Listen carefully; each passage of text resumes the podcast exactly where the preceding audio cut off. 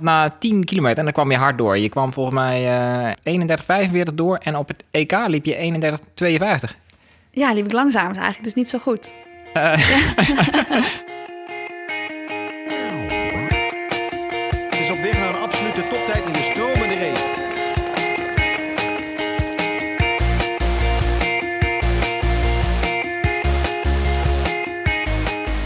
Welkom bij de tweede aflevering van Suzy Q&A, de podcast over hardlopen, training en alles wat daarbij komt kijken. Ik ben Olivier Heimel, hoofdredacteur van Runners World en naast mij zit de ster van deze show, de nummer 2 van Europa op de 10.000 meter, Susan Crummins. Zou je jezelf eigenlijk zo introduceren?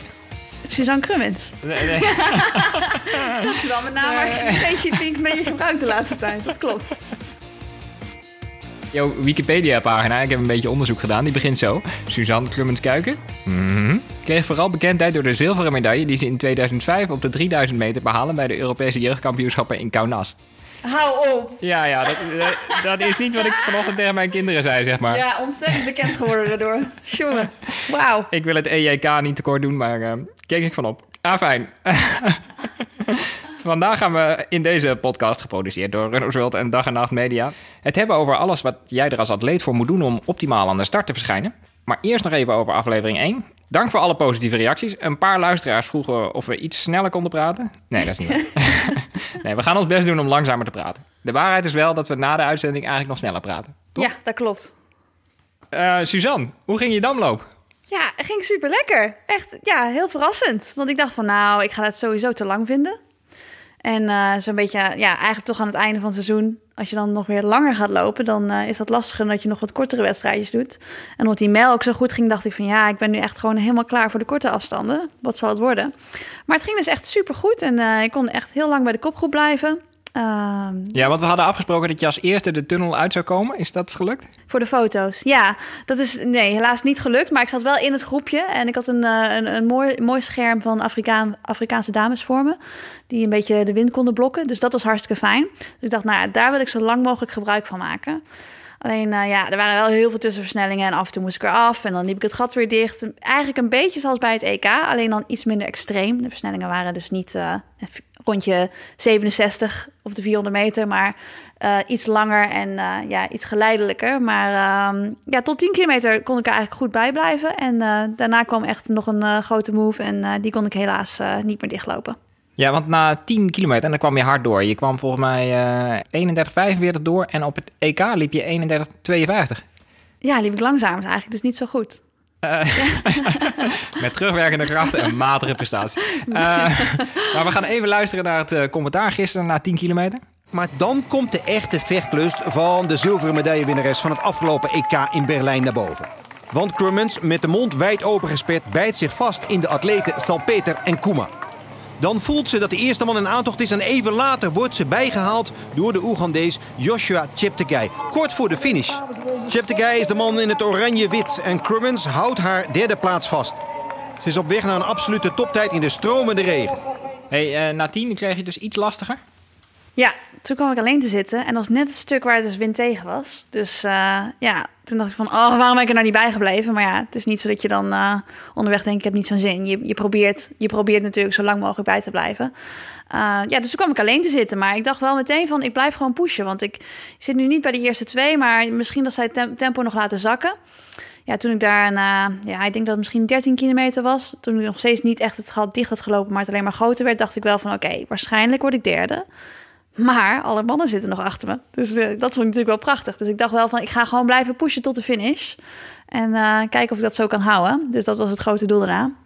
En, en toen kwam er een Oegandees met uh, voor mij als import Brabander fantastische naam Cheptegei. Ja, Cheptegei. Cheptegei, goed gelopen. Ja.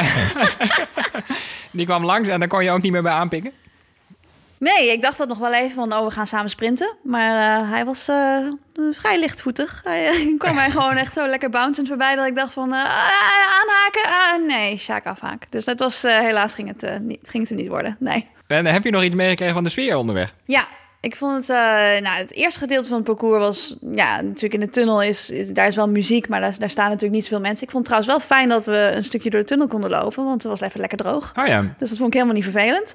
Um, maar ja, daarna was het, werd het gewoon eigenlijk steeds drukker naarmate je verder in de wedstrijd kwam en naarmate ik ook meer nodig had. Dus het was, uh, ja, het publiek, vooral in Zaandam, was erg leuk. Je had een mooie tijd eh, zondag 51, 30 of 29, dat weet ik eigenlijk niet eens zeker. Nee, ik weet het ook niet. Ik was er wel gelukkig mee. Ja. Eh, en nu is er een mooie week op komst. Jij gaat op vakantie, wat mij eh, sowieso een eh, week voor voorsprong geeft in onze voorbereiding op de Zevenheuvelenloop. Ja, dat klopt. Oh, en de Runners World is uit. Ja, dat klopt. Eh gisteren bij de abonnees, morgen in de winkel. Eh, ik vond het een beetje jammer dat we Elliot Kipchoge net niet meer konden meepikken in het nummer. Maar vorige keer konden we Lisanne de Witte en Koen Naert niet meepikken. En dat hebben we allebei goed gemaakt met een groot coververhaal. En met Koen Naert ook een mooi verhaal. En Koen Naert, Europees kampioen marathon uit België. Die hebben we nu gewoon aan de telefoon. Nou, wat leuk. Goedemorgen Koen, met Olivier van eh Suzy Q&A en met... Ja, en natuurlijk met Suzanne. Goedemorgen alle twee. Hey Koen, wij van Runners World beschouwen jouw drie eh, podiumplaatsen bij de Runners World Zandvoort Circuit Run natuurlijk als het hoogtepunt van jouw carrière. Maar hoe zie je dat zelf? Ja, dat is eigenlijk wel eh, heel goed. Ik had iets anders in mijn gedachten. eh, maar natuurlijk, ja, mijn drie podiumplaatsen hebben er wel voor gezorgd dat ik eh, de smaak te pakken had voor de wegwedstrijd. Dus eh, die zijn eigenlijk wel eh, heel belangrijk geweest eh, voor, mijn, voor mijn wegcarrière. Ja, de Zandvoort circuiren, die staat nog op mijn verlanglijstje natuurlijk. Ik ben wel jaloers. Ja, kijk, nou komend jaar krijg je concurrentie, begrijp ik. hey, maar ik neem aan dat je je Europese titel als hoogtepunt beschouwt. Ehm, ja, toch wel, toch wel. ehm, ja, zeker, zeker. Dus eh, ja, een mooie stap geweest in mijn carrière. Ehm, ik, had, ik had een heel goede aanloop met een heel goed, eh, ah, heel goed WK. Ehm, ook New York was, was zeker niet slecht gezien de omstandigheden.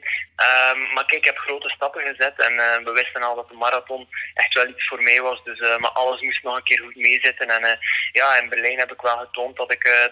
dat er, nog, dat er nog marge zit, ook zeker qua chrono. Dus eh, dat is nu hetgeen waar we de volgende of waar we de komende tijd voor, eh, voor hard zullen opnieuw werken. En dat is om, eh, om een snellere chrono. Die, die Europese titel staan nu op mijn palmarès, wat dat heel mooi is. Maar ik heb daar een lijn onder getrokken en ja, ik ben terug al met mijn hoofd in mijn volgende doelstellingen. Want wat wordt dat? Waar ga je die 2-8 proberen te lopen? Um, we hebben nu, um, ah, ik denk, uh, ik had al, al heel lang uh, Rotterdam op mijn verlanglijstje nog een keer staan na 2017. Uh, waar ik toch wel heel goede herinneringen aan had. Um, wil ik heel graag terug volgend jaar in het voorjaar eh, Rotterdam meedoen en, en, hopen op een, op een heel snelle chrono daar. Ah, dat is mooi te horen. Hey, um, even over je training. Is er één marathontraining die je al onze lezers en volgers en luisteraars kan aanraden? Eén training die echt het verschil heeft gemaakt voor jou? Goh, dat is eigenlijk uh, geen makkelijke vraag, maar uh, ik denk iedere, iedere atleet is anders en iedereen, uh, iedere atleet reageert op andere prikkels. maar wat voor mij heel belangrijk is, is eigenlijk mijn laatste test. Dat is eigenlijk tien dagen voor de marathon. doe ik altijd nog een, een test, um, een 30 kilometer test. En dan loop ik gewoon op gevoel. Um, 30 kilometer, um, ja, dat, dat is toch redelijk snel. Uh, ik zal niet zeggen wedstrijdtempo, maar het scheelt toch niet veel. Um, op mijn eentje eigenlijk. Uh, coach reed mee met de fiets, maar reed achter. Dus uh, ik moet zelf tegen de wind opboksen en, en zelf mentaal die 30 kilometer afwerken. En voor mij is dat toch wel ja, iets heel belangrijks. gewoon om, om te weten van ja, kijk, hoe, hoe is de conditie en hoe verteer ik die, die, die laatste test richting, richting mijn piekmoment, dus de marathon. En ja, dat is altijd al goed uitgedraaid. Dus ja, het is mijn zwaarste training van de voorbereiding, maar dan weet ik van ja, kijk, als die erop zit, begint de tapering. En uh, ja, dan, dan zit ik perfect fris uh, voor, voor de marathon. Olivier en ik, wij lopen trouwens uh, later dit jaar de Zevenheuvelenloop. Zien we je daar nog? dat is ook een goede vraag. Um, ik heb eigenlijk wel um, Zevenheuvelen op het programma staan. Dus ik heb mijn programma nog niet um, bekendgemaakt.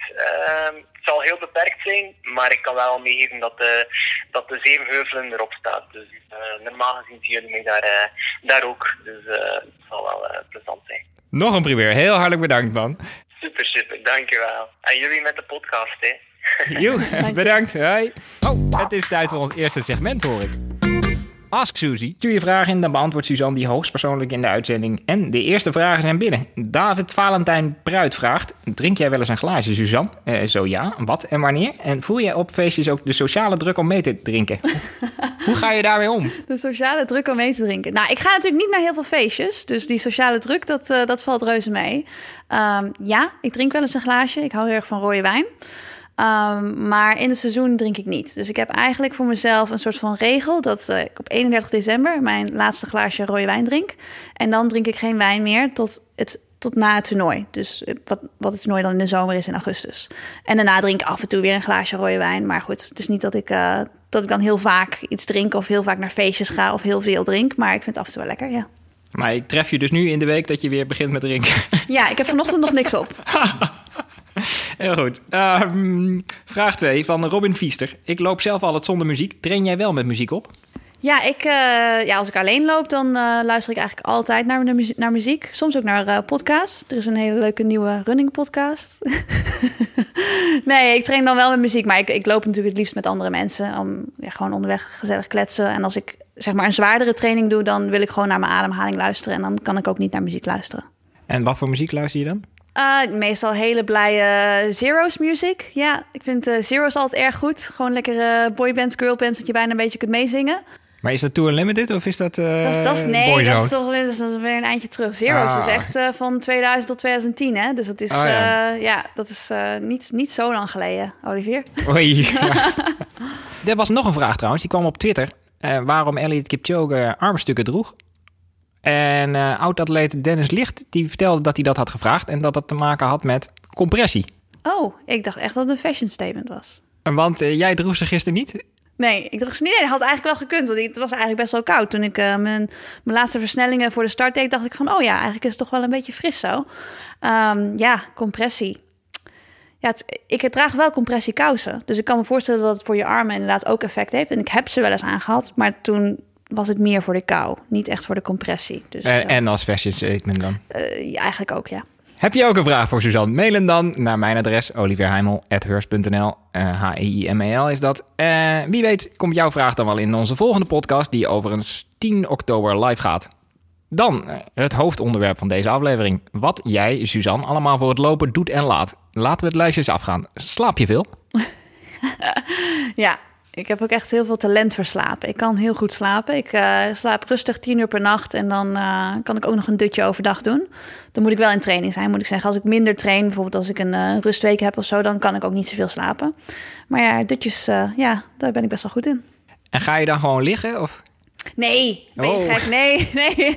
Er gaat een heel ritueel aan vooraf. Nee, ik, ik moet sowieso mijn oordopjes in. En ja, ik heb ook van die mooie noise cancelling headphones. En ja, als ik ook maar enig geluid hoor, dan gaat hij dus gaat die, uh, gaan die noise cancelling headphones die gaan dan ook op. Dus uh, dan hoor ik echt helemaal niks meer van buitenaf. Ja, en het moet ook redelijk donker zijn. Dus uh, ik doe van oogmasker en dan de, meestal maak ik de kamer ook nog helemaal donker. Dus ja, dit gaat wel even een hele routine aan vooraf voordat ik echt ga slapen. Maar geen hoogtetenten zo? Nee, geen hoogtetent. Nee, ik heb wel eens uh, wat in een hoogtetent geslapen. Zeg maar uh, om me zeg maar voor te bereiden op een hoogtestage. Maar uh, het hele jaar door is het niet zo dat ik in een hoogtetent slaap. Nee. Even voor de luisteraars, een hoogtetent is, is een tentje waar het zuurstof wordt uitgezogen. Zo moet ik me dat voorstellen. En dan rit je hem dicht en dan... Ja, ik heb uh, toen ik in een hoogtetent sliep, de laatste hoogtetent waar ik in geslapen heb, was, was een hele kleine die eigenlijk alleen maar over mijn hoofd ging. Want dat betekent dat Andrew bijvoorbeeld ook niet in de hoogtetent hoeft te slapen, want ja, hij heeft daar niet zo heel veel aan om, uh, om, om daaraan te wennen. Voor zijn werk heeft hij dat in ieder geval niet nodig. dus, uh, dus ik dacht van, nou ja, waarom moet hij daarin slapen? Dus dan, ja, alleen mijn hoofd zat erin en dat is ook handig. Dus, want dan blijft hij makkelijker op hoogte. Ook als je dan eventjes naar de wc gaat en dan weer terugkomt, dan is hij meteen weer op hoogte natuurlijk. Ja, handig wel een tikkeltje ongezellig lijkt me. Ja, wel een tikkeltje. Je voelt je wel alsof je een beetje in quarantaine zit. Dat wel. Ja, ja goed. Dus uh, daarom doen we het ook niet zo vaak. hey, en um, hygiëne. Ik, zag ik jou later nou met handspray in de weer? ja, klopt. Ik, uh, ik heb echt altijd hand sanitizer bij me. En uh, ja, nu ook bijvoorbeeld toen ik bij de damloop kwam. Ja, ik heb natuurlijk niet zoveel wedstrijden in Nederland gelopen. Er zijn heel veel Nederlandse atleten die ik al best wel lang niet heb gezien. En die, uh, ja, die, me nog wilden feliciteren. En enthousiast hoor je zeggen. En dat ze dan op me afkomen. En dat ze al willen beginnen met drie zoenen. En dat ik dan mijn hoofd naar achteren trek. Zo van, oh. En dan zeggen ze, oh nee. En dan zeg ik, ja, uh, infectieprotocol, hè. Oh dear. Want je oh denkt ook aan al die Nederlandse virussen die je nog niet hebt opgelopen, zeg maar. Ja, nou goed, uh, je weet het niet. Hè? Ik, uh, nou ja, toevallig zei ik tegen iemand van, oh ja, liever even niet uh, drie kussen, want ja, je probeert toch nog een beetje gezond te blijven. En toen vroeg ik hoe het met diegene ging en toen zei hij, ja, nu wel weer goed. Ja, ik heb wel Fiverr gehad. en toen dacht ik, nou ja, zo heel gek is het ook weer niet. Nee, nee, mijn zegen. Nee, maar ja, inderdaad, infectieprotocol en eigenlijk het hele seizoen door probeer ik ook ik probeer bijvoorbeeld niet mijn gezicht aan te raken. Omdat ik denk, ja, als er dan bacteriën zijn, dan zitten ze op je handen. En als je ze dan naar je gezicht brengt, dan kom je in de problemen. Dus uh, ja, ik ben altijd, uh, als ik ergens uh, jeuk heb of zo, ben ik altijd heel spastisch bezig om dan proberen toch niet mijn gezicht aan te raken. Ja, voor de luisteraars, ze kwam gevaarlijk dicht bij de gezicht tijdens het praten. Ja. het ging net goed. Ik kon niet ingrijpen. hey, um, looptrainingen, hoeveel in de winter, zeg maar, als je helemaal blessurevrij bent, hoeveel trainingen moet ik dan aan denken?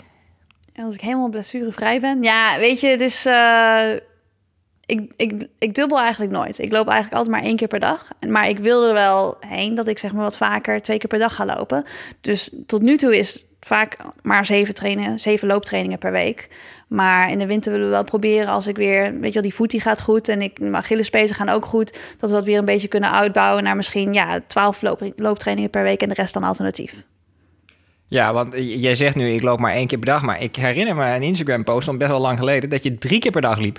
En dat wielrenner Koen de Kort daarop reageerde met... This, this, just, this is just showing off of zoiets. Drie keer per dag? Volgens mij heb ik dat nooit gedaan. Ik heb, nee, ik heb wel twee keer per dag. Ik heb wel drie keer... Ik train vaak wel drie keer per ja, dag. Precies, ja, dat klopt. Maar ja, dan doe je een looptraining... en dan doe je een krachttraining... en dan misschien nog iets op de elliptico... of uh, een Alter-G-training. Oh ja, Alter-G-trainingen noem ik trouwens ook geen looptraining... maar dan ben je natuurlijk wel gewoon aan het rennen. Wauw, want kracht doe je ook nog twee, drie keer in de week? Ja, drie keer in de week, ja. En je hebt een visio. Je hebt een vaste visio, maar daarnaast ga je nog voor een soort APK naar Ierland? Ja, oh, dat ga ik binnenkort weer doen. Ja, heel oh. toevallig. Ja, dat wist je niet. Nee, uh, ja, ik ga inderdaad... Uh, begin oktober ga ik weer naar uh, Jared in Limerick City in Ierland. Hij is een hele goede visio die vroeger ook veel heeft samengewerkt... met bijvoorbeeld Lorne Kiplagat en met Paul Radcliffe... En hij heeft gewoon superveel ervaring met uh, lange afstandloopsters. En uh, ja, proberen de onderste steen boven te krijgen als je ergens een probleem hebt. En ja, zo probeer ik ieder jaar eigenlijk een beetje de, de, de zwakste schakel aan te pakken, zodat ik harder kan lopen. Want ja, dat is uiteindelijk, je, moet gewoon kijken van waarom loop ik niet harder? Nou ja, wat dat is, kunnen we daar iets aan doen? Nou ja, als we daar iets aan kunnen doen, dan uh, moet je daar alles aan proberen te doen om, om toch beter te worden. En dat lukt ook ieder jaar eigenlijk.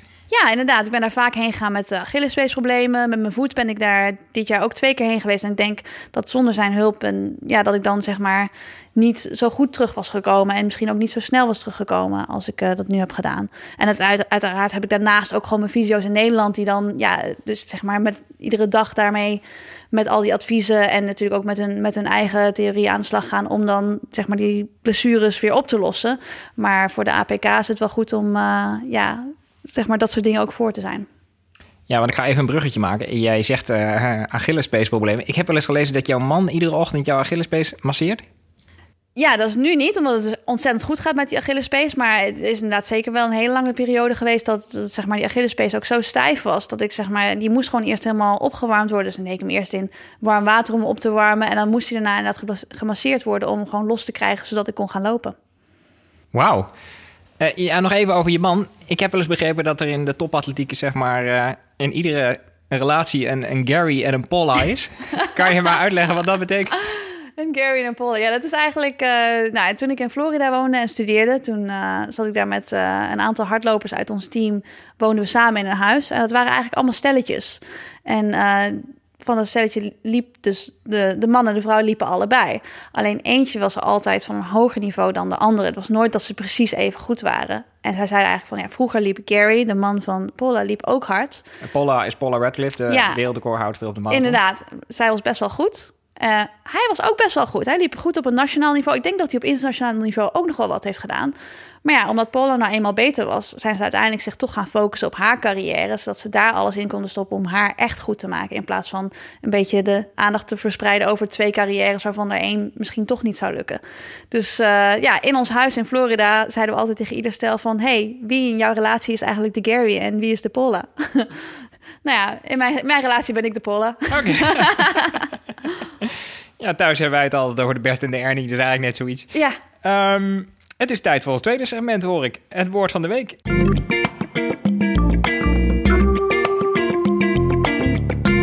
Het is een best wel lastig woord om uit te spreken. Ik ga het toch proberen. Sliotter. Slidder. Slidder. je zegt het niet goed. Ja, dat is wel grappig dat je het daarover hebt. Want ik wil dus, ja, ik ben die van mij kwijt. Hoi. Nou, kijk eens. Nee. Je moet misschien eerst even vertellen wat het is. Dat is een, uh, een bal die ik inderdaad ooit van Jared heb gekregen. En uh, dat is een bal om. Uh, ja, eigenlijk is het een, een eerste sport. Nou, heb jij vast opgezocht hoe die sport precies heet? Nee, nee, nee. Ik, Ja, dat is zonde. Het Dat- idee, idee van de woord van de week is dat ik oprecht niet weet. Vorige week wist ik ook oprecht niet wat een frozen white was. Of een flat white. Of een. Frozen white. De slidder. Dat is een eh, bal die wordt gebruikt in de sport. En het is een soort van, ja, een Ierse versie van lacrosse. Maar ik weet dat Ah. we niet... Ja, nou, dan vinden Ieren dit vast heel erg dat ik dit zeg, maar ze kunnen me toch niet verstaan. Maar ehm, ja, dat is een soort van baseballachtig iets die ik gebruik om, eh, ja, zeg maar bij mijn heupen alle, alle pezen en spieren om alles los te rollen. En daar kun je natuurlijk ook een baseball voor gebruiken of een tennisbal. Maar het goede aan die slidder is dat er, zeg maar, hij is van leer en dan, zeg maar, dan is hij ergens zo vastgenaaid. En waar dat, waar dat randje zit, daar kun je heel goed mee van die verschillende pressure points raken. Dus daarom is die bal heel goed. Maar ik ben die van mij kwijt. En dat staat eigenlijk op mijn verlanglijstje als ik nu eh, over twee weken naar Ierland ga om weer een nieuwe slidder te halen. we houden u op de hoogte. Tot slot, jij gaat er nu een weekje uit. Dan doe je helemaal niks. Ja, eh, nou, ik ga vijf dagen gaan we naar Griekenland en dan gaan hardloopschoenen wel mee. Maar ik ga niet rennen. Nee, dat klopt. Ik ga nu even een weekje niet rennen. En, eh, Maar jij neemt hardloopschoenen om mee om naar te kijken? Of? Nee, dat is, dat, is, dat is omdat ik gewoon toch nog te moeilijke voeten heb om iedere dag hakjes aan te doen. Dus, Ah. En gewoon slippers rond te lopen. Dus die schoenen gaan wel mee, maar ik ga niet rennen. Nou, schrik niet. Dan zijn we alweer aan het einde gekomen van de tweede aflevering van Suzy Q&A. Over twee weken gaan we het onder meer over de 4 mijl van Groningen hebben, volgens mij. Ja? En hopelijk ook een keer over de Vegan Streaker. Ehm, dank, terug, ja? dank Volkert van Dag en Nacht Media voor de productie. En dank u, beste luisteraar, voor het luisteren. Ook namens Suzanne. Blijf luisteren en lopen.